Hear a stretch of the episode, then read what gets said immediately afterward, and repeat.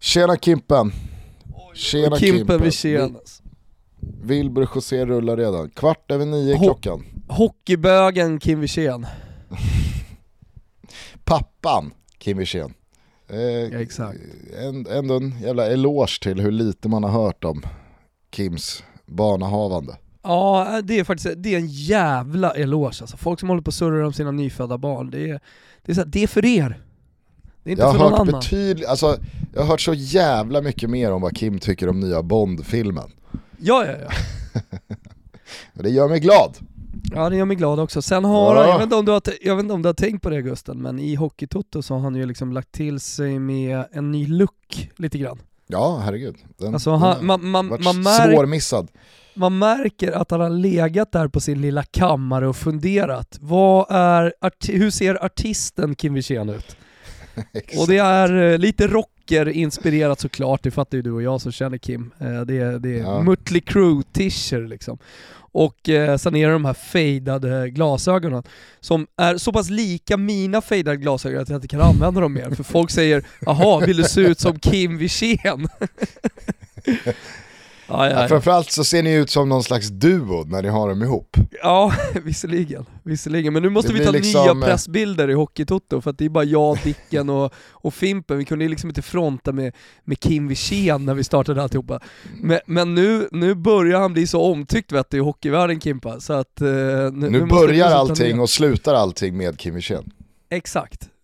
Precis så. Ja men det är någon slags, eh, alltså stilen Hockeytutto Kim Wirsén, det är någon slags stilmishmash mellan The Big Lebowski, Bono och eh, Bradley Cooper.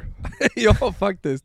Och så har han ju en Harley nu också som han åker runt med som såklart spär på eh, hela myten om eh, Kim Wirsén. Och eventuellt en dotter eller en son, man vet inte riktigt för att man har hör inte ett knyst om det där nyfödda barnet. Man hör bara vad han tycker om Bond.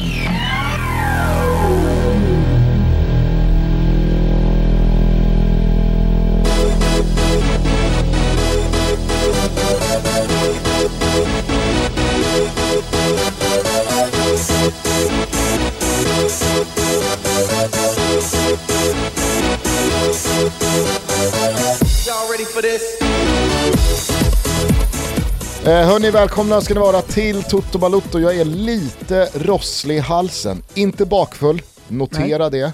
Utan bara lite rosslig i halsen. Det är eh, onsdag den 13 oktober, det är ganska arla morgon.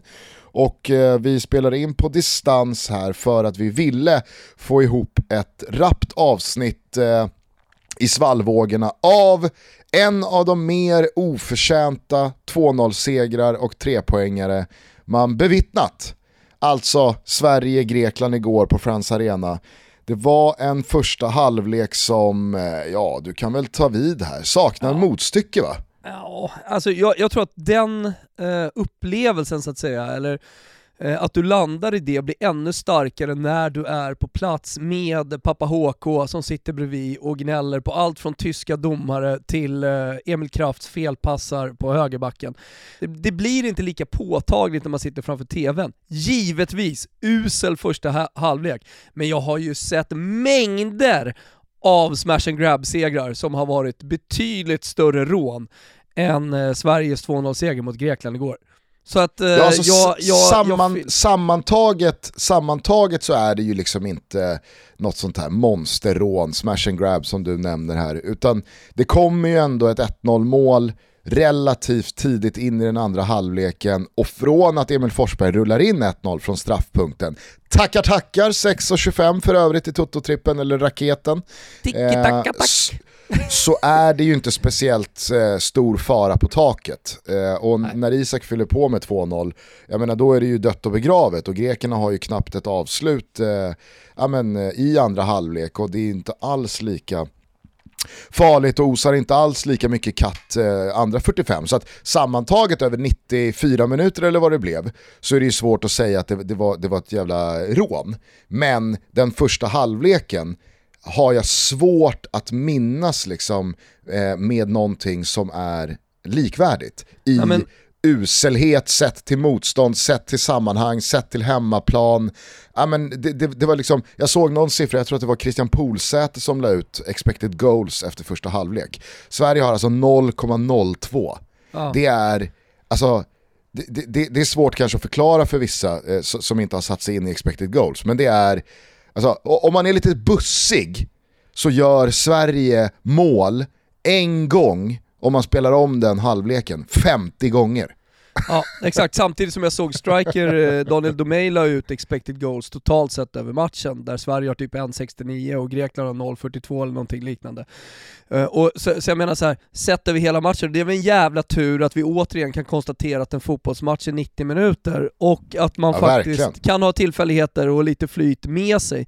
Uh, för det var ju som Kim sa i studion, som du inte såg Gusten, efter matchen, att Visst, det kan bli lite klyschigt att man återigen upprepar det, men hur jävla viktigt det är att inte släppa in det första målet. Alltså när Grekland har momentum och när Sverige hamnar i brygga, att inte gå in i den andra halvleken med eh, 0-1 i baken, alltså det, det betyder liksom allt här och gör ju att Sverige kan få sig en utskällning av Jan Andersson och, och titta på varandra, gå ut, knyta, knyta handen i fickan, för det det handlar om i någon slags i någon slags inställning tycker jag till matchen, att vi förlorar dueller. Jag, ty jag tycker mm. väldigt mycket i den första halvleken handlar om att vi tappar kampen. Och sen att, att Grekland dessutom liksom har utstuderat Sverige, lyckas med sina spelvändningar, alltså framförallt de långa spelvändningarna som vi inte alls hänger med på. Jag tror också att de har synat Emil Kraft på högerbacken som har spelat ganska lite och liksom hitta, hitta förbi eh,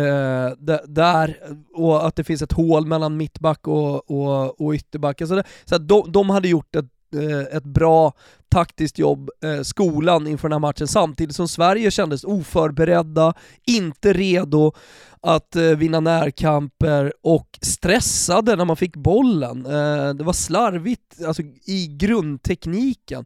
Så, så det fanns väldigt mycket så här eh, Ja men som, som man pratar med, med ungdomsspelare om, liksom att ja, men du ska veta vad du ska göra när du får bollen.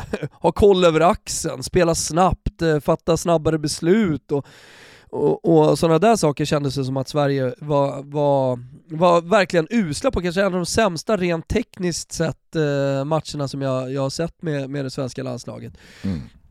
Och då är det en jävla tur, men det är också en styrka så här. Ibland kan man höra såhär, oh men utan deras målvakt, då hade ju det här blivit så, eller utan deras fantastiska forward. Ja, men man har ju det laget man har så att säga. Vi har ju Alexander Isak i vårt lag, det har ju inte de. Nej, absolut. Så, så det, det, där, där, det, det är ju liksom förutsättningen inför den här matchen också, att han skulle blixtra till ett par, tre gånger och skapa målchanser eh, för sig själv, för det är det han gör. Mm. Eh, det, det, det, det, visste ju alla om, även Grekland. Då gäller det att inte, för dem att inte bjuda på det och för oss att utnyttja det. Nej, men jag tycker att du är inne på väldigt mycket av det jag själv satt och kände och tänkte igår under i synnerhet då första, första halvlek. Alltså att man har åtta spelare med avstängningskort hängande över sig. Det, det är ju vad det är, men när man i ett VM-kval blir avstängd nästkommande match efter två varningar, ja då är det ju bara konstaterat liksom, händer det så händer det och det är fullt rimligt att ta två gula kort på sju, åtta eh, matcher. Det är, det är inte speciellt konstigt. När motståndet i nästföljande match dessutom är Georgien, jag menar, då kan man ju inte låta det på något sätt påverka någonting. Om något så borde det ju snarare vara så att man, man vill ha ett gult så att man är avstängd mot Georgien och inte mot Spanien. Att man tar det då eh, i, i, i Georgien nästa match så att man missar Spanien-matchen. Alltså jag kan fatta fatta när ett Stockholmslag till exempel har Mjällby hemma omgången innan eh, e, e, ett derby mot värsta rivalen. Att man kanske springer och håller igen och, och, och, och tappar några procent i duellspelet för man inte vill ha det där kortet och missa derbyt i nästkommande match. Men i det här läget så kändes det som att Ja, men som du säger, man, man, man, var inte ens inne i duellen. Det var inte så att man förlorade duellerna, utan det var att man inte ens var inne i duellerna. Jag tror inte vi vann en enda andra boll i första halvlek. Och då var det inte speciellt många dueller som togs liksom på de första, utan det var, det var inspark Robin Olsen, grekiskt huvud och sen så studsade den bollen alltid till greker. var ingen svensk nära att liksom kliva in i någon smäll, kliva in i någon duell, kliva in för att vinna bollen. Det var snarare liksom ja, men, dumma frisparkar där man liksom, det, det, det var krokben, dra i tröjorna snarare än att det var liksom en, en, en tuff duell. Eh, och, och, sen som du är inne på, alltså jag tycker Grekland eh, gjorde det bra, jättebra, verkligen. Eh, och, och, det är väl fullt rimligt om, om de har identifierat Emil Kraft som någon slags svag länk och en yta som man vill åt för att där kan man få övertag och, och dubbla och komma på överlapp och, och, och verkligen liksom överbelasta någon ytterzon, men jag tycker överlag så blev det så jävla tydligt igår i första halvlek. Vilket systemfel det blir med det här 4-4-2 mot ett 3-5-2. Alltså, det är, det är inte i en enda del av spelet där det blir liksom till vår fördel att spela 4-4-2 igår. Och det känns så jävla alarmerande. För vi, för vi kan ju inte ha liksom, alltså i, idag pratar man så jävla mycket om taktisk flexibilitet och att spelare inte längre är skolade i, i liksom den svenska 4-4-2-vaggen utan de flesta spelare spelar i fotbollsmiljöer med olika eh, fotbollsfilosofier och det är lika vanligt med treback som fyrback som femback som tremannamittfält eller fyrmannamittfält. Ja, du, du fattar liksom. Och att man borde kunna klara av att liksom under matcher utifrån motstånd, sett till liksom var någonstans man är med, med materialet som går att använda, mer flexibel att, att vrida på saker och ting. Jag gillar att man, liksom, man, man ur ett svenskt landslag har liksom ett spelsätt och det är det vi spelar, men igår så kände jag bara så nej, nu, nu, vi, vi måste nog fan börja liksom addera lite strängar till den här lyran. För det blir ju liksom ett, ett tvåmananfall som inte kan sätta någon som helst press mot trebackslinjen. För det, det, är hur lätt som helst för dem att rulla bort Quaison och Isak i första pressen. När, när de väl får upp bollen, ja men alltså, Albin och Kristoffer Olsson, de, de de kunde inte få bollen i ett enda liksom läge där de kunde vända upp och bli lite, slags, alltså bli lite kreativa eller konstruktiva. För att grekerna är överbemannade centralt på mittfältet. Och det gällde ju även defensivt i pressen. Så att oavsett om det var offensivt eller defensivt så blev vi så jävla straffade i den underbemanningen på centralt mittfält. Och i och med att Grekland höll en sån jävla bra bredd i liksom sitt, sitt vingspel med det låga bolltempot vi höll igår, ja men då behövde, det var inga som helst problem för grekerna att liksom flytta över i tid och aldrig liksom bjuda på någon överflytt. Utan vi stod där, rullade en passning i backlinjen, tog, tog emot, petade på den två gånger, nästa pass. Det var så lågt bolltempo och så när man sätter upp den där, för, jag, jag, fram till straffen, vi har ju ingenting förutom att liksom, till slut så måste Vigge skicka en lång mot två stycken felvända forwards som står och kampas med tre stycken greker.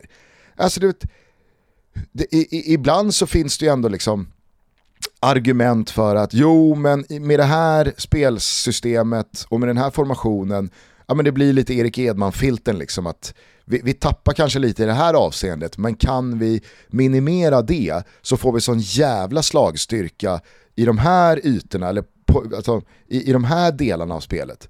Men igår så satt jag så här, vad får, alltså, i vilket läge och i vilka sekvenser är det fördelaktigt för oss att spela 4-4-2 mot den här formationen? Ingen! Det var helt sjukt! Nej, och, och där, det är väl Jannes eh, svaghet då, att inte ha en plan B och en plan C. Alltså om vi nu ska pra prata numerärt, jag menar vi har ju material till att spela på ett annat sätt. Alltså det, det, ser ju helt annorlunda ut jämfört med när Janne Andersson började med det här landslaget och det var Ola Toivonen och Isak Kiese och, och, och, mer tydliga yttermittfältare. Nu har vi ju spelare, allt från, nu var ju Forsberg med då också, men han har ju också utvecklats i sin roll, söker sig in mycket mer, kan spela tia. Kanske bör spela ännu mer tia, vad vet jag. Eh, men eh, skulle definitivt kunna göra det i en julgransformation eller ett 4-3-2 eller vad det nu är. Mm. Eh, och vi har innermittfältare som, som eh, är vana med att spela på tremannamittfält. Uh, vi har yttrar som definitivt kan, kan spela vingar, alltså från Sundgren, Kraft, eh, Ludvig Augustinsson om man skulle spela 3-5-2 till exempel. Eh, mittbackar som klarar av en trebackslinje. Alltså vi, vi, vi, vi har ju allt för att kunna ställa om. Sen förstår jag att man i ett landslag inte har lika mycket tid att träna på det och att det blir mer skört. Men det tog ju Max Allegri eh, sex månader att göra om Contes eh, formation till hans eh, sätt att spela på. Så att det är så här, jag har full förståelse för det, men vi har ändå hållit mm. på ganska ganska länge och, och det, det, är fortfarande samma förbundskapten. Han är där. Så att så här, nu kanske man gör det, man kanske tränar på andra typer av formationer också, man kanske har en plan B bara att man inte liksom sätter in den. Men efter, eh, säg, låt säga de här åren som Janne varit här, så tycker jag väldigt tydligt att så här, är det någon svaghet det här landslaget har så är det att inte kunna ställa om. För det, det, det kan man också se om man bara benchmarkar med andra landslag. Alltså där, där kan ju de bästa landslagen i världen verkligen ändra sig ut efter motstånd. Ehm, och, så, och jag menar så här, e, eftersom så många spelare i det här landslaget har en fast startplats. Och de rubbas inte på. Så det finns ju typ ingen spelare i det här landslaget som man liksom, om det är en viktig match mot Grekland eller mot Spanien som man ska vinna för att gå, gå vidare från ett kvalspel, då ändrar vi ju inte på, då, då byter vi inte ut en spelare för att få eh, andra egenskaper in på planen eh, som passar rent taktiskt bättre. Det gör vi, det har vi aldrig gjort väl? Äh, det är väl typ några gånger man har pusslat med höger ytterfältaren. Alltså ja, vissa ja, gånger var det Sebastian Larsson, Larsson och andra gånger var det Viktor Claesson eller mot slutet Dejan Kulusevski liksom. Ja, men, men, men jag tänker att vi borde kunna göra mycket mer med, med de flexibla spelartyperna som vi trots allt har i landslaget. Ja, alltså jag, jag, jag, jag känner verkligen också det eh, så dagen efter eh, gårdagens insats. Att det, det, det, måste kunna, det måste kunna liksom identifieras att oj vad vi sitter fast här, oj vad vi blir uppkäkade, oj vad vi inte kommer ur den här pressen eller vad de äter upp oss centralt och kunna liksom åtgärda det på något sätt. Det behöver inte vara att man liksom helt och fullt ändrar eh, en, en formation och ska liksom efter 22 minuter in i matchen se ut som ett annat lag. Men jag upplevde det igår som att ingenting hände på 46 minuter, även fast vi, alltså vi hamnade i ett grekiskt skruvstäd efter två minuter. Efter tre minuter ligger ju bollen i mål och det är liksom en tight offside som gör att eh, vi, liksom, vi, vi kommer undan med blotta förskräckelsen. Men sen är det ju liksom, det, det, det är ju det är ju samma typ av liksom, styrkeförhållanden i hur lagen ser ut mot varandra i en hel halvlek. Och vi kan inte på något sätt förändra någonting och det tyckte jag ändå var skrämmande. Mm. Med tanke Men, på, i synnerhet då, att det är Grekland, ett dåligt Grekland, med helt ärligt, ja, men, kanske liksom två, tre spelare man, man, man liksom har koll på. Sa jag hade förstått, ett Grekland hade som rubbade Spanien, ett Grekland eh, som jo, jo, uppenbarligen har men... svårt för, alltså det, du vet ju det ja, också. Jag... Vissa lag har man ju bara svårt för. Absolut, jag säger bara att det är... Dåligt. Det, det, det, det hade varit en mer rimlig känsla i en själv att sitta där och, och, och, och, se 46 minuter av samma problematiska fotboll ifall det hade varit Tyskland, Argentina, Spanien eller liksom eh, Absolut, Italien. men samtidigt kan vi mosa Grekland i en fullständigt fundamental match. Vi kan, eh, vi kan slå ut Italien över två matcher och så vidare. Så alltså, vissa lag har man det tufft eh, mot och jag menar 2-0 är ändå 2-0 i slutändan. Ja, ja herregud. För att... Men vet du vad som är surt ja. också? Det är ju att vi, vi står här nu med eh, serieledning och eh, så blickar man liksom neråt och så tänker man på fan hade vi bara löst Grekland borta då hade, då hade vi varit klara nu. Nej, då hade det varit matchboll mot Georgien. Jo, jag vet, men eh, du hörde vad jag sa också. Då hade vi varit klara nu, punkt. Okej. Ja. jag minns bara, jag minns bara Georgien-matchen i våras ja, med en rysning. Ja, Brrr. Ja, jag hörde att nummer 18 har bytt till nummer 7 nu, han har blivit, liksom blivit ja, jag star. Jag tror att det har stigit honom över huvudet vet du. Så det, du, du vet, ja. det, ska, det ska sulfintas och grejer när han möter Sverige och, och det ska visas upp för världen vilken jävla stjärna han är. Och man vet ju hur det kommer gå. Ja, samtidigt så tycker jag nu att du får, du får lite bestämma dig, för att jag satt ju för en månad sedan efter torsken i Aten och var sådär liksom bitter som du verkar vara nu när man tänker på liksom, om vi bara hade löst det i, i Grekland så, så hade det varit klart nu. Medan du då eh, valde vägen att nej, nej, nej, nej, ett kvalspel ska man lida sig igenom. Det ska vara så här. Alltså, jo, men jag tycker nu, så nu, fortfarande.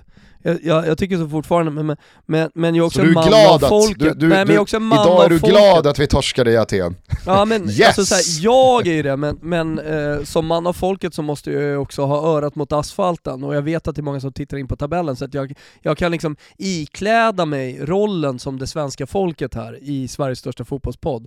Eh, och, och prata som om att det vore min åsikt fast det egentligen är folkets. Lystring, vi är sponsrade av Revolution Race. Kanske hela världens grymmaste friluftskläder. Ah, men vad är nu detta ni som inte har koll? Jo, först kan vi ju bara säga att eh, hösten är här, den börjar bita i ganska rejält. Temperaturen kryper neråt, vinden piskar på och det kanske kommer någon regndroppe från sidan. Men det kan vi inte låta hindra oss att gå ut och njuta av den friska luften och allt det underbara som finns att både göra och uppleva ute i naturen. Vi kan inte helt och fullt bara checka ut från Moder Jord och bara kolla på en massa fotboll i soffan, även om det är trevligt. Det funkar liksom inte. Och det här, Revolution Race, kommer in i bilden. För om ni går in på revolutionrace.se så kommer ni hitta och kunna lägga vantarna på helt otroliga fritidskläder. Och jag säger otroliga för att jag har precis upptäckt dem själv och det är ruskigt hög kvalitet. Allt från underställ till regn och vindtäta ytterplagg såsom Cyclone Rescue Jacket 2.0. Ja, men man vill ju lyfta fram några produkter lite extra. Där finns också en tillhörande bralla va? Och det är ett sånt ställ som jag vet att Gugge har klickat hem. Lite overkill kanske för en svamptur i skogen. Men å andra sidan så hänger han ju också en hel del uppe i Härjedalen och fjällen. Så han verkar ha kittat upp sig rejält för att ta sig an fjälllivet och vandringen upp på mitt Mittåklappen. Revolution Race står för grym kvalitet till ett grymt pris. Ja, men de gör sina egna prylar och då vet ni sedan tidigare, då kan man också komma ner i pris. Det är det de strävar efter och dessutom att vara lättillgängliga för oss kunder. Generösa hörni, det är de också. Fina, fina Revolution Race hörni. De har nämligen plockat fram en rabattkod till alla er som lyssnar. Den är TOTO15 och ger er 15% rabatt och den gäller bara fram till den 1 november. Så passa på nu, kitta upp er inför hösten men också vintern. Koden gäller samtliga produkter och det går inte att kombinera med andra erbjudanden. Någon måtta får det liksom vara. Så gå in på revolutionrace.se, upptäck och införskaffa just det du behöver för att omfamna naturen och friluftslivet. Och så glöm inte att klicka in koden TOTO15 för 15 prollar rabatt. Vi säger stort tack till Revolution Race för att ni är med och möjliggör Toto Balotto. Eh, jag, ska, jag ska bara vända tillbaka till själva matchen, för jag, tycker att vi, vi, vi har ju liksom med all rätta fokuserat en, en hel del här nu på första halvlek och det som var dåligt igår. Men i den andra halvleken, efter vad nu Janne sa med irriterad ton i, i, i omklädningsrummet i halvtid, eh, så kommer ju Sverige ut i den andra halvleken och kanske inte spela något slags bländande spel, men vi har ju en mycket bättre kontroll på grekerna och det är ju ett eh, intensifierat duellspel som, som blir bättre bättre och vi sätter lite bättre fart på bollen och ja, men man, får det där, man får det där eh, målet från straffpunkten hyfsat tidigt och efter det så känns det som att vi har kontroll. Och, och det får ju mig att landa i också att Även fast vi kan prata här om taktisk flexibilitet och att spelare kommer från olika eh, skolor och håll och, och, och fotbollsfilosofier runt om i Europa och världen och ja, men att det på den här nivån ska kunna liksom vridas och pillas på olika inställningar på den där panelen så är ju fotboll i grund och botten en jävla simpel sport. Alltså, det är samma mekanismer i väldigt hög utsträckning som spelar roll på den där planen igår på Friends Arena, som spelar roll på Stadshagens IP här 200 meter bakom mig, eh, när, när det är någon division 3 norra Svealand-match någon tisdagkväll. Alltså, det är duellspel, det är bolltempo, det är momentum som skickar som skiftar. Det, är, det, det, kan räcka med en duell. Ser du den där duellen utanför grekernas straffområde? När Quaison eh, trycker till eh, någon grek som, som Ja. eh, faller ner och domaren måste blåsa av. Helt korrekt måste jag säga. Jag satt precis i den, liksom, i den höjden, ha, hade den rakt framför mig. Det är ju en jävla smäll Quaison delar ut och det, det kan mycket väl vara så att den liksom, tar illa i hans huvud och att vi har en hjärnskakning. Så jag fattar ju att han, han, han Ja, blåser men den av tar, domaren. det, han får en smäll i skallen ser man på reprisen också, så det, det, Ja det, det gör ont. Men, men liksom så här, hur primalt mm. och liksom eh, grottmänniskoaktigt det än kan tyckas vara, så är det en sån där, liksom så här, en sån där smäll gör skillnad. Såja, pang, vi flyttar upp, här kommer en duell, här kommer vi ur med bollen och liksom vi, vi får grekerna att känna att det, det, det, vi, vi är på hemmaplan här. Det är inte ni, ni ska, liksom, ni ska i backen, ni ska tryckas ner mot eget mål. Här kommer urkraften Gulo Gulo.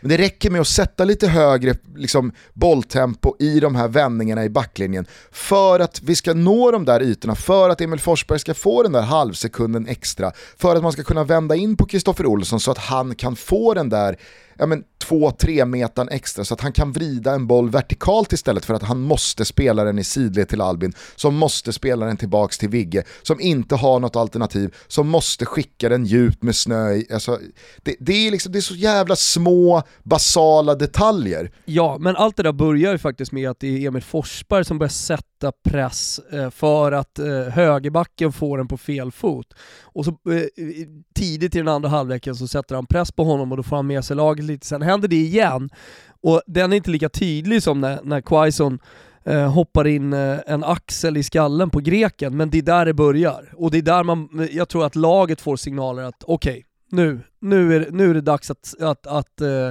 börja utnyttja de eh, möjligheterna som finns att eh, sätta gre greken under press. För att eh, jag tycker Hasse Backe sa det bra i den första halvleken, alltså då, då, mittbacken får stå och skicka, ytterback till ytterback, eh, eller egentligen till yttermittfältare. Alltså, eh, det fick de göra helt ostört. Det var Mm. ingen som brydde sig om dem. Och det ställde till problem för Sverige. De kom Ja. förbi tack vare de snabba spelvändningarna. Och där, där är det faktiskt Emil Forsberg i den andra halvleken som, som gör skillnad. Mm. Till en början, och sen så kommer hela laget med. Så att, eh, nej men det, det, det, det, det är helt rätt. Jag, jag tänkte bara säga det, så här, det, det har blivit lite reaktioner från spanskt håll också, har du sett det eller? Eh, nej.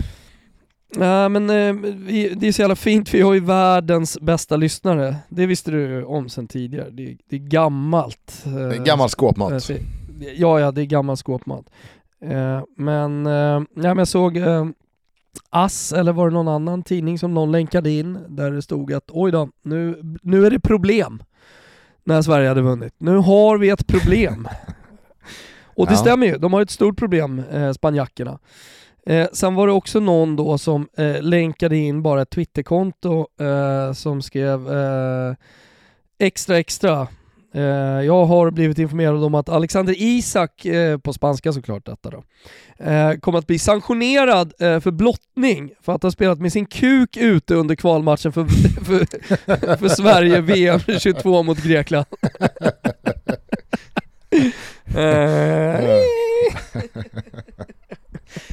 Ja, nej, men fan, det, det, alltså så här, låt, låt oss då avsluta denna matchgenomgång på den allra mest positiva tonen och det är ju Alexander Isak. Så vilken uthängning det är i andra halvlek. Och mm vilken, vilken, vilken spelare det är i form av att vara utslagsgivande, att göra den där skillnaden.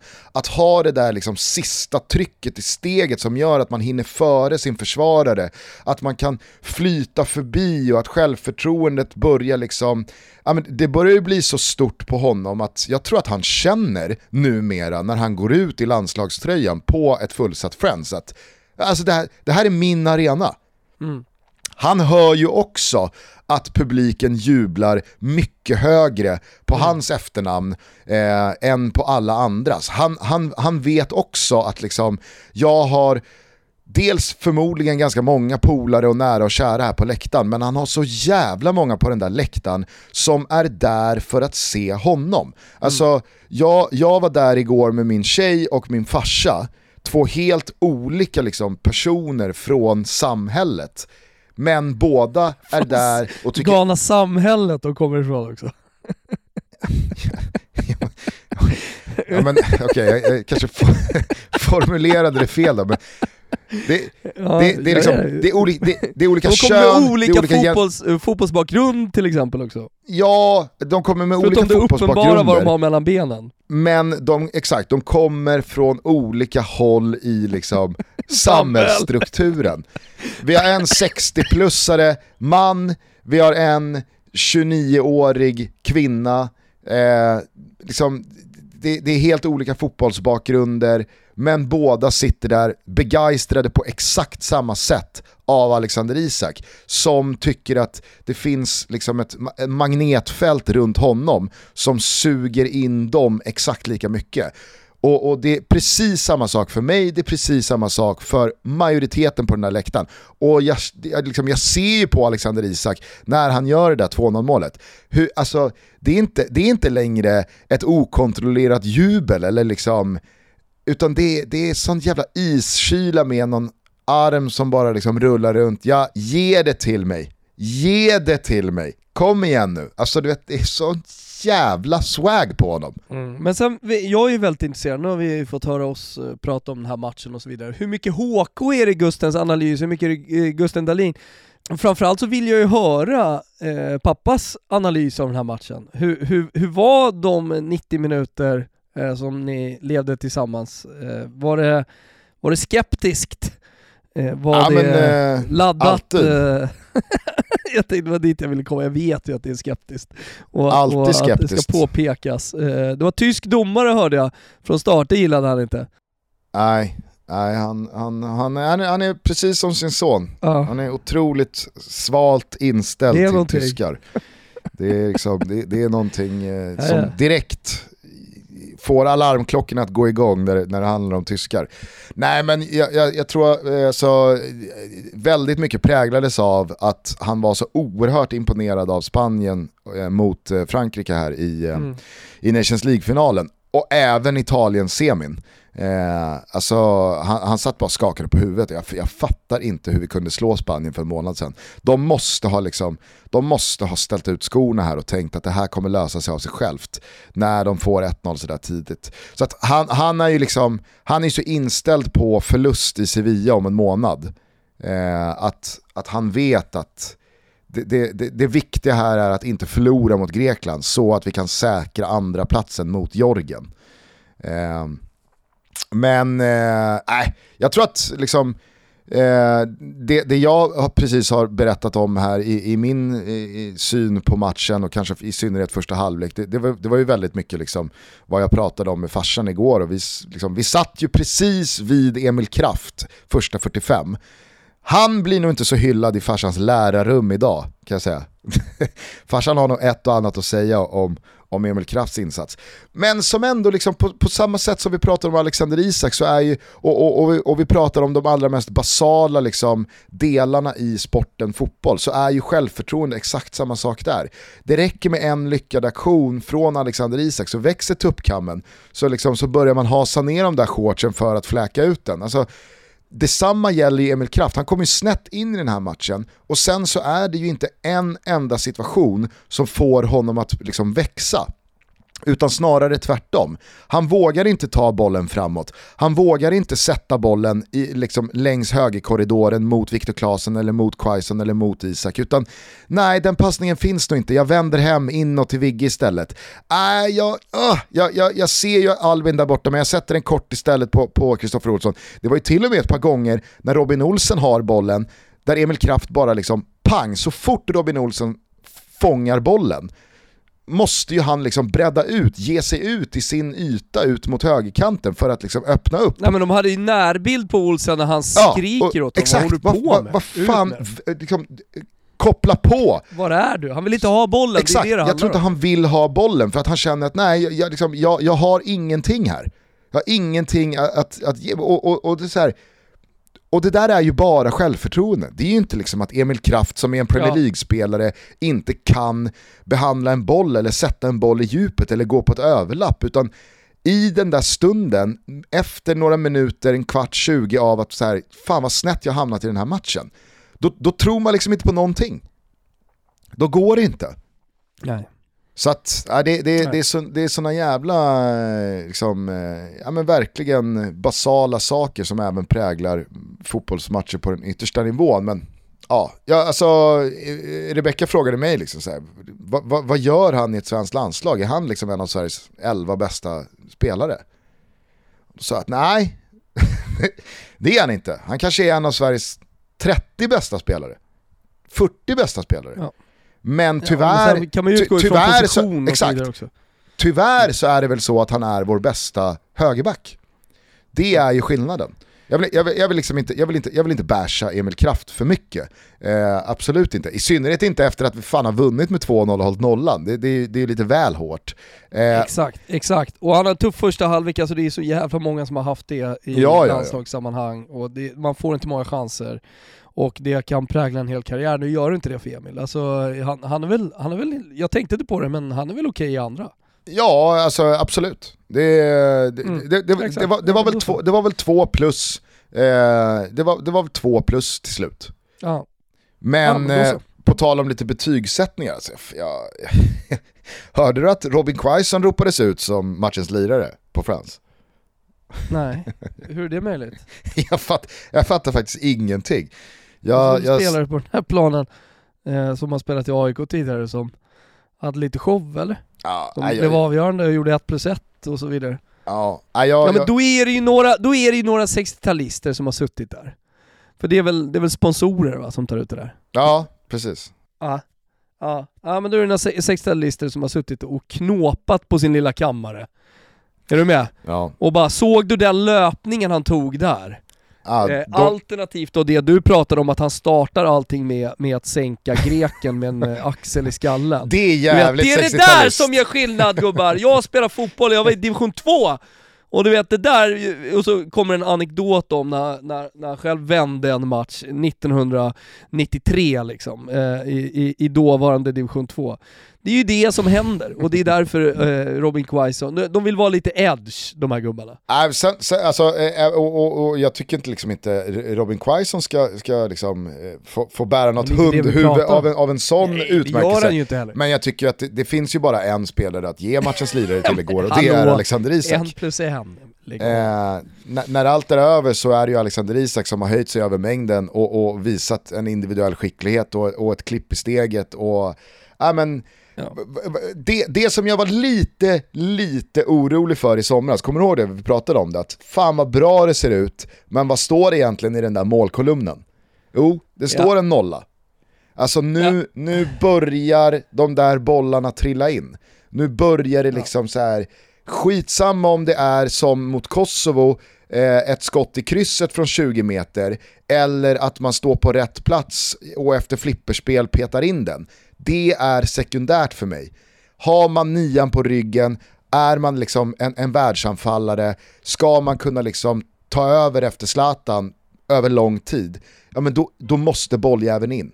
På, på vilket mm. sätt eller annat. Det spelar ingen roll för mig. Och nu börjar det liksom trilla in bollar för Alexander Isak och det gör mig så jävla glad. Ja, nej men det behövs och det, det ger ett självförtroende för honom också. Och just det där att det är hans hemmaplan. Det var, Friends var ju också Zlatans. Ja på hans tid. Han, var, han, var, han gjorde ju mål och var bra och man, man såg på honom trots det där usla gräset att han trivdes på, på Friends. Eh, och, och jag menar, det, det, har väl Alexander Isak visat sedan han var 16 år.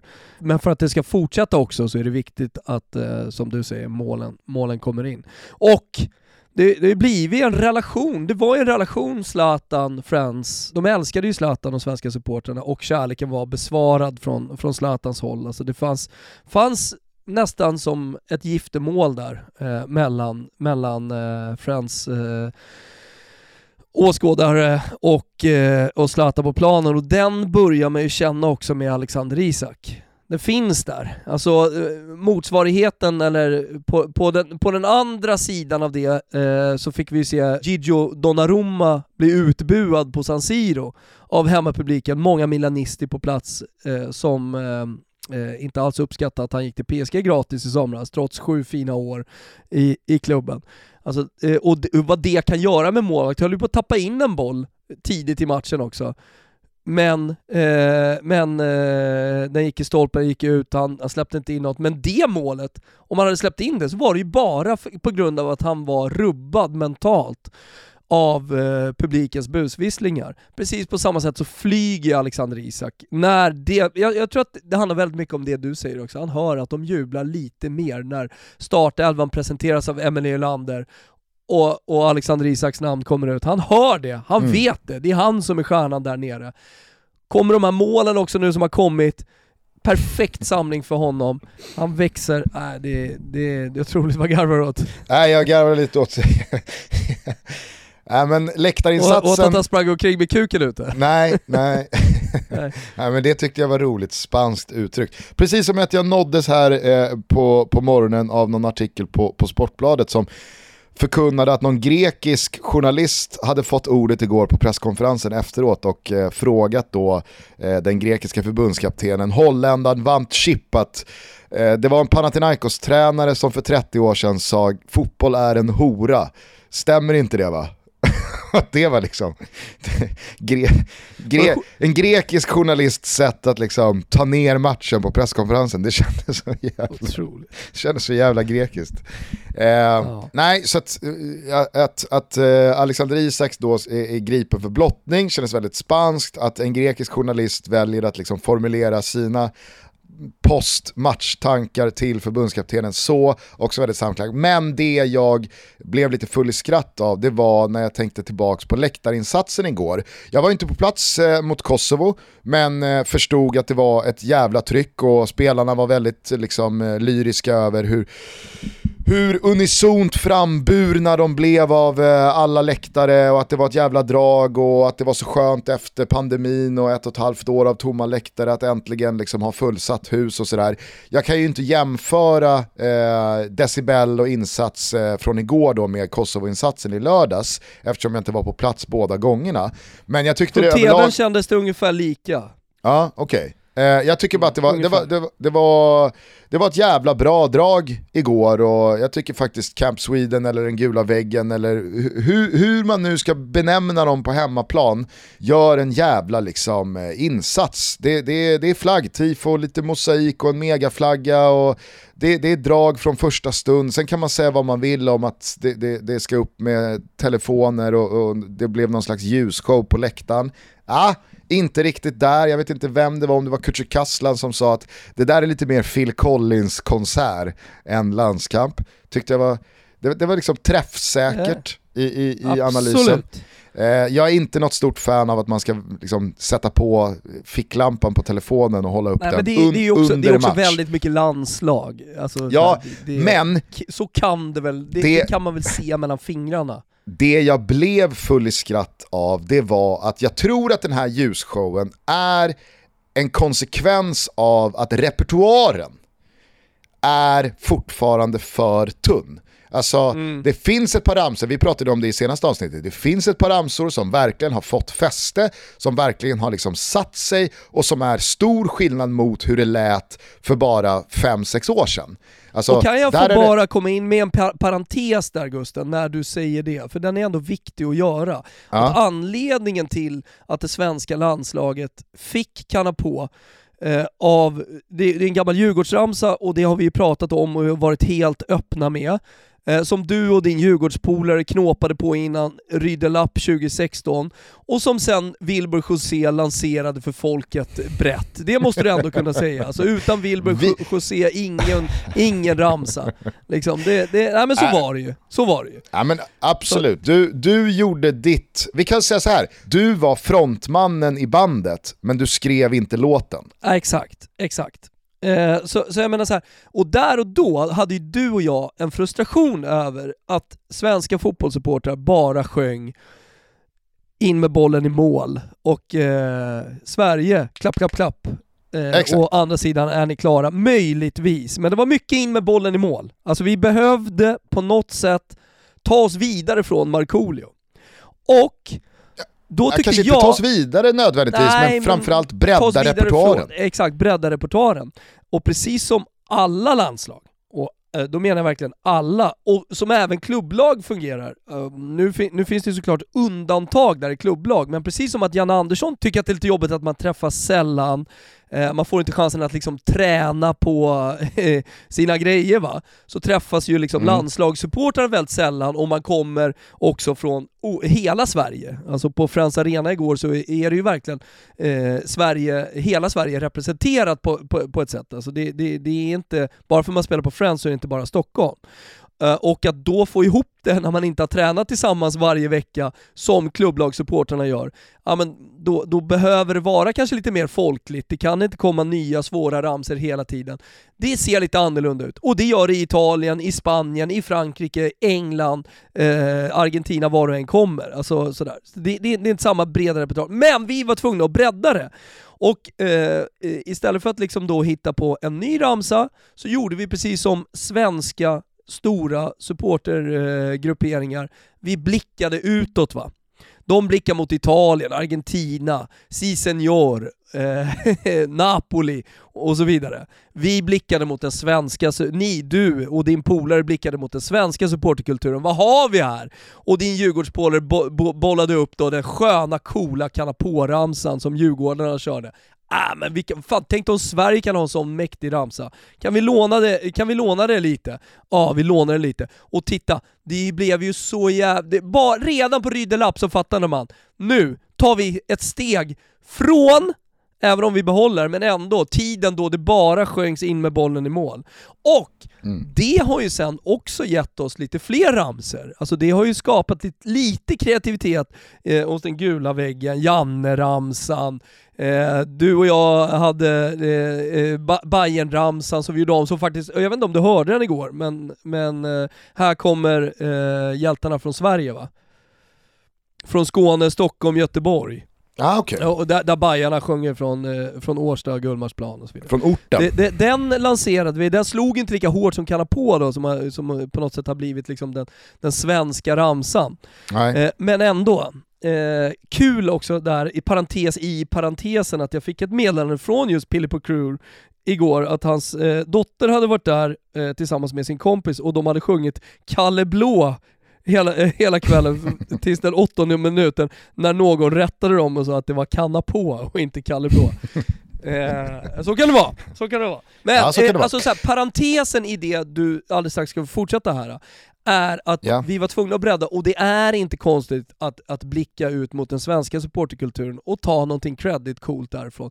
Sen, sen får man liksom som djurgårdare, man behöver inte köpa det, men jag tror att många ändå förstår att det var bra eh, för läktarkulturen runt det svenska landslaget och för stämningen som igår kväll beskrevs som magiska att spela, för i slutändan handlar det ju om det. Vi blev framburna. Ja. Ja, men de blev ju framburna av Kanapå-ramsan väldigt mycket. Och den eh, eh, ja, men lite nya, eh, lite på nytt födda eh, landslagssupporterkulturen eh, som finns nu. Det blir ett tryck som Micke Lustig sa från i lördags, träffade honom igår eh, innan matchen. Han, han, sa jävlar vilken skillnad det blev liksom.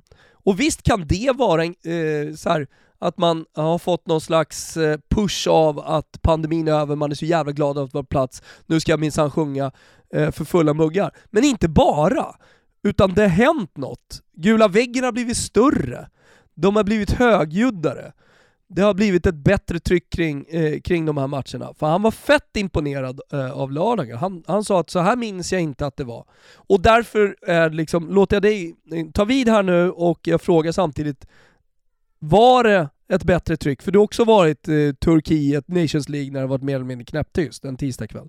Absolut, Nej, men eh, framförallt så var det ju liksom, de, de, de höll ju igång i, i 95 minuter. Och det var ju det som verkligen var imponerande. Och sen så kanske vissa ramser används lite för många gånger, eh, de, rullar lite för länge, men det är ju som vi identifierat en bristande repertoar eller en lite för skral repertoar.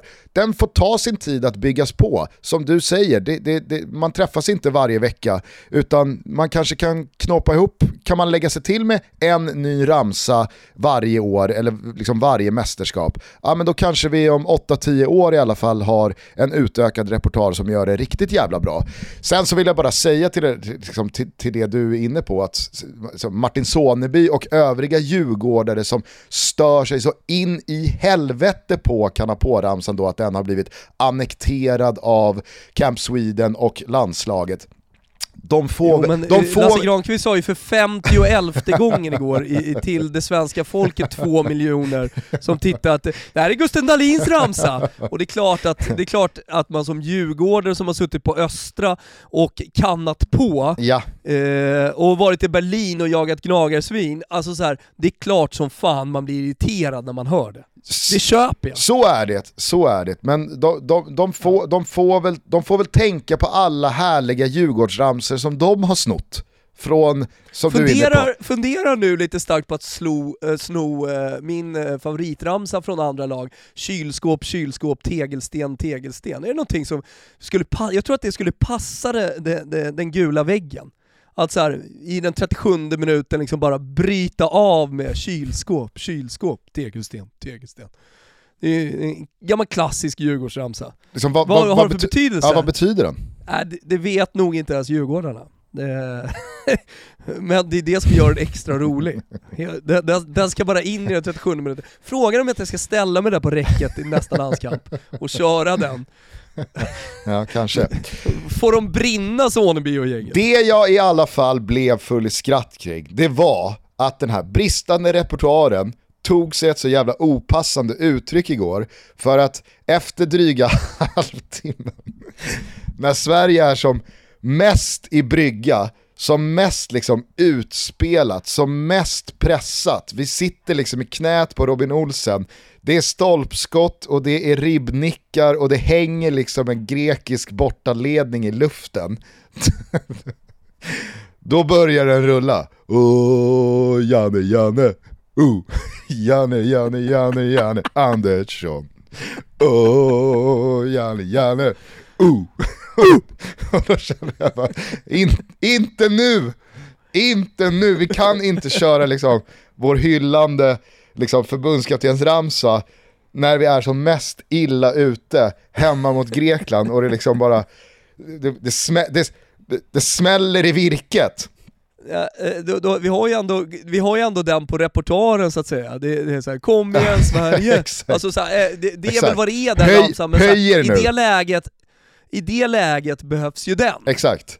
Men istället så blir liksom soundtracket till de absolut kämpigaste minuterna blev liksom en, en pulserande, ganska dämpad Åh, Janne, Janne, oh, Janne, Janne. Vad fan.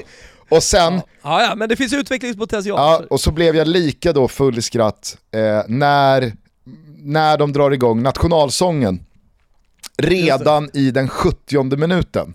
För då vet man ju att så här, nu har vi ju bränt av Janne Janne och Kanna på och Kom igen Sverige och det vi har i en dryg ja. timme här nu. Vi har inget mer, vi har nationalsången, men den kan vi ju inte köra förrän det är klart givetvis. Nej. Den drar man inte igång vid 1-1 eller underläge, det, det, det, förstår ju alla. Om man nu drar igång den, men okej. Okay, Om man nu drar igång den, absolut. Men det var så jävla givet att den började rullas igång igår i 70 för att säga, det står 2-0, det är väl klart, trots att vi har gjort en så jävla dålig match och att det räcker med liksom, ett grekiskt mål kommande kvarten för att det ska bli supernervdaller. Ja, det, det, det, är lite så här, show 6-0, fan vi drar igång nationalsången. Mm, kan köpa det. Ja, eller, eller, definitivt inte ett stort fan av att sjunga nationalsången. Nej, överhuvudtaget. Men, på, men, på liksom. Så här, ska du dra igång nationalsången vid 2-0, ja då ska det vara i 91 Ja. Alltså att dra igång nationalsången vid 2-0 i 70 det var bara ett resultat av att vi måste göra något annat. Det är slut. Ja, nu, nu måste vi komma något annat. Kapon kände sig pressad. Kan vi köra, Helvete. kan vi köra du gamla Kör in med bollen. Men, in, in med bollen hade ju kunnat rulla där. Ja, Nej, det, var, det, var, ja. det var bara kul och, och jag, jag hoppas verkligen att, eh, att det liksom inte framstår som eh, hånfullt här utan jag, jag, var, jag var så jävla glad och stolt och nöjd och, och tillfreds eh, av eh, hur, hur det lät och såg ut igår på Friends. Fantastisk stämning, det, det lät liksom matchen igenom. Och, nej, jag, fan, jag, jag, jag, skriver under, jag skriver under på det Lustig eh, sa, att det, det har hänt någonting Det, det är inte längre bara på mästerskapen som det är liksom bra tryck, utan nu är det även bra tryck som, som backar upp de där jättefina publiksiffrorna som har varit i princip eh, jämt. Eh, så att, mm. nej, mycket, mycket roligt. Och som sagt jävligt skönt med sex poäng efter den här samlingen. Nu är det liksom Jorgen kvar att städa av. Kan vi bara ta tre poäng där, då kan vi i alla fall hoppas att grekerna tror på något slags mirakel och kan göra livet surt för spanjorerna. Eh, det, det, är ju fyra poäng eh, mellan Grekland och Spanien så att grekerna vet ju att ja, slår vi Spanien då, då har vi allt, alltså, då, då, räcker det med en seger i sista omgången om Sverige tar poäng av Spanien. Det, det, det är far fetch, jag fattar ju det också. Eh, men ja hellre att det bara är fyra poäng mellan Grekland och Spanien inför deras match här nu nästa omgång, än att det är sex poäng eller sju poäng och att det är matematiskt kört.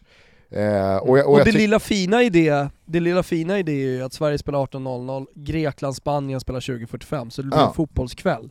Exakt. Där man hoppas på att det inte står 2-0 Spanien i paus. Nej.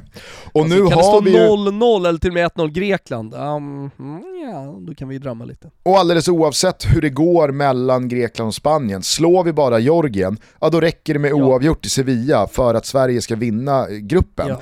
Och med tanke på resultaten mot Spanien de senaste fyra månaderna, alltså 0-0 i EM, seger 2-1 på Friends här för en dryg månad sedan, så är det ju såklart liksom orimligt att inte tro på att en poäng är möjlig. Det är det ju Nej. bevisligen.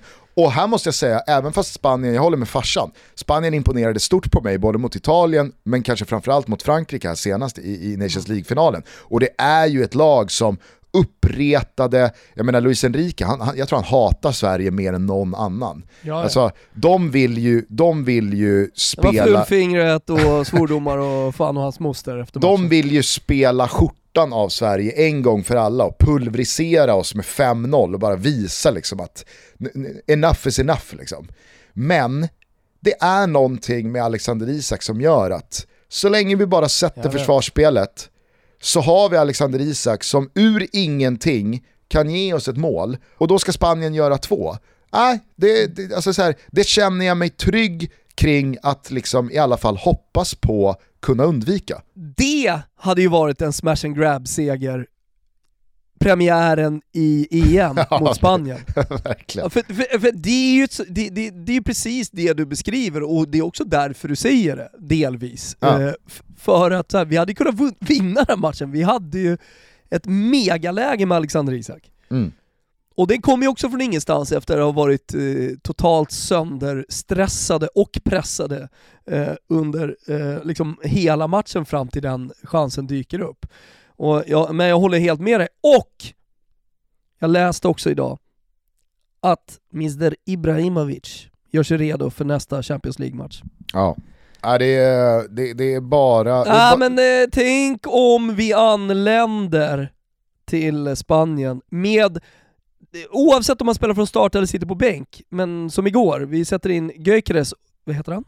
Gyökeres? Vad hette han? vad hette han sa du? Gyökeres? vad fan hände där alltså? ja, herregud. Eh, även om vi sätter in honom, han flyger i Championship och så vidare. Alltså ha Zlatan med hela samlingen och åker till Sevilla i en avgörande match. Även om han sitter på bänk. Herregud. Badrumsveckorna är i full gång hos våra stolta sponsorer K-Rauta. Ja, vi är så jäkla glada att eh, vi har fått hjälp av K-Rauta att gå från en riktigt, äh, jag ska vara ärlig, en riktig jävla dassig mugg till, äh, alltså det, känslan är otrolig när man går in nu. Kaklet från K-Rauta, prylarna från K-Rauta. Ja, vi valde ju eh, svenskproducerade Svedbergsprylar. Det är man lite extra stolt över. Va? Eh, det är äkta, det är bra, det är snyggt. Man går in på korauta.se och så ser man bilder och reportage från vårat eh, lilla skitrum till detta lyxbadrum. Och så måste jag slå ett slag för alla andra otroligt snygga och grymma produkter från Svedberg. Så det stora tipset är att gå in på kodauto.se eller ett av byggvaruhusen såklart. Eh, har ni gått i renoveringstankar, ni kanske går i renoveringstankar, men passa på nu när det är badrumsveckor. Ryck tag i en projektplanerare, för jag misstänker att alla som lyssnar på det här inte är supervassa på att eh, planera sitt eget badrum. Men alldeles oavsett om man är lite vass så kan det vara en poäng att prata med projektledare i alla fall för att de eh, kanske tänker på ett annat sätt som inte ni gör. Glöm inte att använda er heller av Click and Collect, alltså det är en otrolig funktion. Man beställer innan, sen så är det bara att hämta upp produkterna på närmaste K-Rauta byggvaruhus. Hörrni, eh, nu är det badrumsveckor men de är snart slut. Passa på! Vi slår ett slag för Svedberg som sagt. Det är rabatt, eh, 20% just nu. Så eh, in på deras Instagram, in på krauta.se, renovera ett badrum, passa på. Vi säger stort tack till K-Rauta. Ni har lite budskap här Gusten innan vi eh, stänger ner. Du vet att... Eh, Skrota villkorstrappan. Ja, Rädda svensk fotboll. Bra. Men det tror, jag, det tror jag supportrarna på läktarna med de stora banderollerna gör bättre än jag. Men budskapet hur som helst, eh, det är att jag såg att du har byggt ett eh, jättestort eh, glashus, eller vad säger man, växthus, eller vad är det för någonting? Ute, uterum? Orangeri. Åh, oh, orangeri! Fasen vad fint. Uh, då sitter jag faktiskt här just nu med fyra timmar och 21 minuter kvar och budar på en liten present till dig. Jaså? Jajamensan, jag är inne på den stora marknadsplatsen Tradera. Jag har börjat med det här när jag har fått upp ögonen för Tradera. Kanske sist av alla, för jag, tror att det är över 3 miljoner som eh, är en del av den enorma marknadsplatsen som är Tradera. Då låter det ju som att typ 7 miljoner fortfarande inte har varit på den här bollen. Exakt. sist är du nog inte. Nej, sist är jag inte. Så det, budskapet i alla fall, tradera.com, marknadsplatsen. Eh, vill man egentligen inte berätta, men eh, i och med att lyssnarna är med här så är det en helt oanvänd 600 watts grästrimmer från Ryobi. Står just nu på 500 spänn, det är jag som eh, leder. Ja, men, man handlar grönt. Eh, alltså du, du handlar ju använt eh, på Tradera. Det finns ju många anledningar till att handla där. Och du får också bra pris såklart. Det finns många guldkorn. Jag tänker, när du har ditt växthus där så kommer det ju växa gräs runt. Ja, då är det bra att ha en liten grästrimmer så du bara kan hela tiden fina till det så att det inte växer upp liksom vid kanterna. Hörrni, gå in på tradera.com, skapa konto om ni inte har och gör som vi. Handla till bättre priser ofta, handla grönt och eh, det är faktiskt jäkligt kul med de här budgivningarna. Då håller jag mina tummar, tår och skinkor att, att. Eh, du vinner den här budgivningen så att man kan trimma lite gräs runt orangeriet på Hattudden. Nej, men jag tror också att Spanien borta, då, då kan man faktiskt skifta eh, Quaison eller Kulusevski eller vem ja. det nu hade varit som hade flankerat Isak mot Zlatan för att på bortaplan, för att kunna lyfta långt. Ja, exakt, för att på bortaplan mot Spanien så kommer det inte alls finnas samma möjlighet till att gå högt Nej. med pressen som vi gjorde på Friends. Mm. Utan då handlar det snarare om att liksom ligga rätt i, i de två bakre och blocken. Och skickar du den på Och när man väl vinner boll, fyrtornen. skicka upp den på ja. Zlatan, låsa fast den, låta Isak gå iväg i djupet. Jo men nio gånger av tio vinner han, vinner han den. Antingen får han frispark eller så tar han ner bollen och fördelar vidare. Mm. Så blir det en trygghet och ett lugn i Sveriges spel. Jag kommer ihåg att vi analyserade matchen eh, mot Spanien i, i EM precis på det sättet. Tänk om vi hade haft Zlatan. Det var nog jag som sa det. Ah, här, tänka alltså, sig va. Eh, tänk om vi hade haft honom. Nej men just det där långa spelet på honom, få fast bollen, få lite arbetsro, få lite lugn och ro, eh, kanske en frispark som sagt, kanske att han fördelar ut bollen till en kant, någonting händer.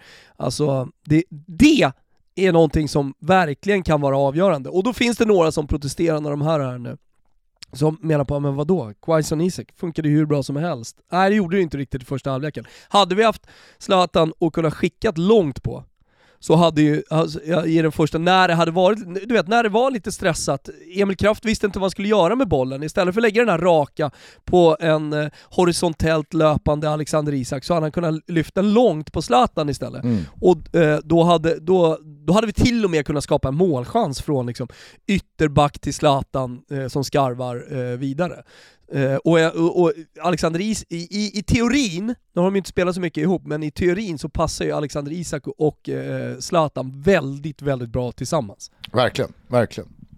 Eh. Så att, det, nu, nu fick man lite puls och nu längtar man, det är sällan jag säger det efter en landslagssamling, men nu längtar jag redan till nästa. Mm. Jag, jag, jag har dock bara två eh, spelartankar som jag, som jag vill lufta med dig. Ja, okej. Okay. Eh, det, det, det, kanske blir lite liksom så märkligt flow, det kändes som att vi ja. redan hade stängt ner Greklandsmatchen, vi hade börjat blicka framåt, Zlatan ja. skulle tillbaka, nu ja. säkrar vi VM-platsen och så ska Gugge tillbaka till... renässans på, på surret från matchen igår. Ja men trevligt, kul. Nej men eh, jag, jag, är bara nyfiken på att höra dina direkta liksom, så dagen efter-tankar och känslor kring Kristoffer Olsson. För nu börjar det ju bli par matcher, par landskamper för mycket, för många av ganska så direkt svaga insatser där det här vertikala spelet, modiga spelet, passningar som smälls upp på forward, som smälls upp på, på, på yttrar, eh, liksom förbytt till felpassningar, förlorade dueller, eh, att, att man liksom inte vågar slå den där passningen och förlorade närkamper där man liksom viker ner sig. Jag vet, vi var ju inne på att han, han, han, han, han gjorde ju faktiskt ett ganska svagt mästerskap i somras. Och de här matcherna under hösten har inte varit bra heller. Nej. Och, är, han liksom, hade... är han given för dig eller hur, hur, hur, ser du möjligheterna till att förändra det där inne mitt fältet i sådana fall? Nej, men så här, ser, ser jag det från ett Janne-perspektiv så är jag ganska övertygad om att han, är, han fortfarande är given. Alltså, han har sina mm. favoritspelare och spelar gärna med dem. Det, och det kanske man vinner på i längden, jag vet inte. Um, förtroende du, även du när det går dåligt samma och så vidare. Som jag. Du, not, ja. du känner samma sak som jag kring Kristoffer Olsson? Absolut, men sen så här, bryggar man det vidare så här, från det då, eh, kanske Janne-tänket, att en spelare kan faktiskt vara dålig en samling, men han har mitt fulla förtroende och han känner mitt fulla förtroende. Eh, och med, då, då, får han inte dåligt självförtroende, så när han kommer in nästa gång så kanske, kanske det blir hans samling. Eh, mm. och, och, och det, det är väl okej, okay. alltså jag vill inte byta ut honom nu, men däremot så ringer ju alarmklockorna. Och ja. vi, vi bör ju ha ett, eh, en plan B på den positionen. Eh, och jag hoppas att ja, men en spelare som Svanberg framförallt då eh, kan fortsätta sin utveckling, för den pågår ju i Bologna hela tiden. Han, han blir bara bättre och bättre för varje vecka och större och större klubbar blir eh, intresserade varje, varje transferfönster. Eh, och jag tror kanske på sikt att eh, Svanberg kommer konkurrera ut Kristoffer Olsson om man ser på deras klubblagsresor som de gör. Ehm, jag, är inte så övertygad om att eh, Kristoffer Olsson tar sig ur eh, det skiktet av klubbar eh, i eh, världshierarkin som han befinner sig i. Samtidigt som jag tror att Svanberg kommer bara klättra till en viss nivå, men det, det finns ett par nivåer till för honom uh, att klättra på. Och skulle kunna liksom landa i om något år, kanske redan till VM, en riktig konkurrenssituation alla Kim Anders Svensson, kanske inte lika infekterad, men ändå där, där det kommer finnas en team Kristoffer Olsson som jag tror kommer minska och minska om man fortsätter med det här, och en team Svanberg. För mm. ta, ta Svanberg, eh, låt säga i vinter eller nästa sommar, klivet till eh, ja, men en klubb av Real Sociedads, Fiorentinas, eh, Lazios eh, liksom dignitet eh, och storlek, eh, då, då, tror jag att, då tror jag liksom att eh, då, då blir det svårt för Kristoffer Olsson att hålla honom eh, utanför startelvan med de här prestationerna. Nu är det lite lättare, men det börjar, börjar bli tuffare. Men det, det är också sådär, Janne går ju väldigt mycket på hur de presterar under samlingar. Uh, och uh, det, det, det, har, man har ju sett tidigare också, så här, Gagliolo var dålig en samling, kom aldrig mer tillbaka. Det är inte så att Svanberg kommer dit, men det, det finns olika nivåer på, uh, på det där från Janne Andersson. då vill det ju till att Svanberg verkligen presterar när han spelar. Och gör han också det, då tror jag att han tar över start, starttröjan. Men som, som du hör, det, det, det är flera steg dit. det, det är en, det är en det är en tuffare resa kanske än man tror. Sen så vill jag bara avsluta med en förhoppning om att vi nu kan eh, stänga liksom diskussionen om vem som ska spela bredvid Victor Nilsson Lindelöf. För att det har ju varit Alltså fullt förståeligt såklart efter det där röda kortet mot Ukraina och efter allt som varit med turbulensen på mittbackspositionen sen dess i form av att Vigge också har varit borta, Helander har varit skadad, Ponne har slutat och Marcus Danielsson då har suttit i karantän, han har varit hemskickad från Kina, han har inte spelat fotboll eller klubblagsfotboll på över två månader, han har hållit igång så gott det går med Djurgården. Alltså det har ju varit väldigt många som fullt förståeligt som sagt, har varit skeptiska till att Marcus Danielsson ska spela bredvid eh, Lindelöf. Men jag tycker att i synnerhet insatsen igår, när man, när man, när man sitter liksom på läktaren bara några rader upp från plan i den där linjen och ser hur otroligt många gånger Marcus Danielsson räddar inte bara Lindelöf utan hela backlinjen. Han är så otroligt följsam, han är så jävla bra på att hålla linjen, att ställa en försvarare offside, att eh, liksom, i, inte försöka konstla till det med några rensningar där han istället ska ta ner och, och, och, och, vara kreativ utan ta bort bollen, han är bra i luften, han är ett hot på offensiva fasta. Jag, jag, jag, från min läktarplats så var det betydligt svårare att se under andra halvlek men jag upplevde att det var samma sak där, att det är Marcus Danielsson Danielsson som ställer spelare offside, att det är Marcus Danielsson som ja, men, många gånger kommer in bakom och täcker upp både Ludvig Augustinsson och Lindelöf. Alltså Victor Nilsson Lindelöf, det är ingen diskussion om saken att det är den stora ledaren och lagkaptenen och med den klubbadressen så kommer ju han med en helt annan pondus och det är ju en jävligt bra mittback, absolut. Men fan vad jag tycker Marcus Danielsson gör det bra, han förtjänar cred för de här två matcherna eh, med tanke på de senaste månaderna som varit. Allt från det där röda kortet mot Ukraina till situationen han hamnat i Kina. Så att, nej, eh, jo, det, jag, ty och, det, jag tycker... och, där måste vi ändå tro på att han kommer få mer speltid det kommande året än vad ah, han ja, varit det året som han, så, så, att han, han kommer bli bättre och närma sig den EM-formen som han ändå hade. Mm. Ja, nej, så jag, jag, jag det, det, var bara skönt att se Danielssons insatser i den här samlingen och i synnerhet igår liksom, på plats för då fick man verkligen en känsla av hur jävla liksom, enkel och bra han måste vara att spela med. Ja, eh, det är... Absolut, nej. nej men det, det, där, kan jag bara, där kan jag bara hålla med. Och någonstans måste man utgå från det materialet man har också, de spelarna som finns. Eh, och, och det, det, det skriver jag under på till 100%. Innan vi stänger ner eh, dagens avsnitt så tycker jag också att vi ska redovisa det 1-1 resultat som u landslaget faktiskt grejade borta mot Italien igår. Ja. Det är ju faktiskt eh, ingenting att bara rycka på axlarna åt. Eh, det, här är ju en, eh, det här är en kvittering från Tim Pritcha på tilläggstid som faktiskt innebär att Sverige... På läcker pass från Holm. Ja, verkligen. Nej, men så, så, som gör att man, man håller eh, Italien fortsatt bakom sig, om än med en match mindre spelade då. Där för... har du ju också återigen Zlatan, där har du återigen Zlatan när Sverige jagar ledning. Det är en långboll, eh, jag vet inte vilken svensk spelare det är som, som vinner eh, luftduellen, men det är en svensk spelare som vinner den här luftduellen, den dimper ner på Holm som spelar in den till Pritza. Alltså det, man, det långa spelet ska man inte underskatta när vi åker till Sevilla. Nej, nej verkligen inte. Av det lilla jag såg igår så måste jag säga att den här eh, Rami Hayal, ja. som jag knappt har sett någonting av, Heerenveen-spelaren som är ja, men, fotbollsfostrad i, i Heerenveen och Holland, for all I know. Jävla, eh, mm, vilken, lit, vilken liten snidare va? Mm, det, är det är en Bosse, Pe en Bosse Pettersson, eh, det är en Bosse Pettersson-favorit. Mm. Noterar också bra insats från Benjamin Nygren gör det bra i hela den här matchen och eh, inte helt dum match heller av Bilal Hussein. Ja, nej, jag, tycker, jag tycker det här u landslaget har en jävla massa spännande spelare. Alltså Bilal Hussein har jag varit imponerad stort av den här allsvenska säsongen. Anthony Elanga har vi pratat om flera gånger. Eh, alltså blev ganska dålig igår. Eh, i, i, I våras, ja absolut. Men med, men med Rami Hayal, med, eh, med Nygren, med Sar, med... Wålemark, alltså, otroligt bra match igår. Ja, och sen så tycker jag att Samuel Brolin, det är en jävla målvakt alltså. Ja, ja. han kammar hem, han kammar hem sju och en halv i Gazettan. Uh, bäst på plan ja. för Sverige. Och Gigovic, alltså utgår jag ifrån, eh, tar steg för varenda månad som går där borta i Ryssland. Liksom. Alltså han, han var ju väldigt mogen och väldigt färdig i sitt spel i Helsingborg redan 2019-2020. Så att, nej, bra, bra Poja, bra u Mycket bra. Mycket bra. Finns det, eh, finns det eh, morgonluft i lungorna också? Sverige på 11 poäng, Italien på 10 eh, för de som inte har sett tabellen, men Italien är en match mindre spelad. Hörni, eh, vi stänger i och med detta den här landslagssamlingen. Nu ska allt avgöras, men det är först om en månad, så att nu skiftar vi fokus tillbaka till klubblagssvängen igen.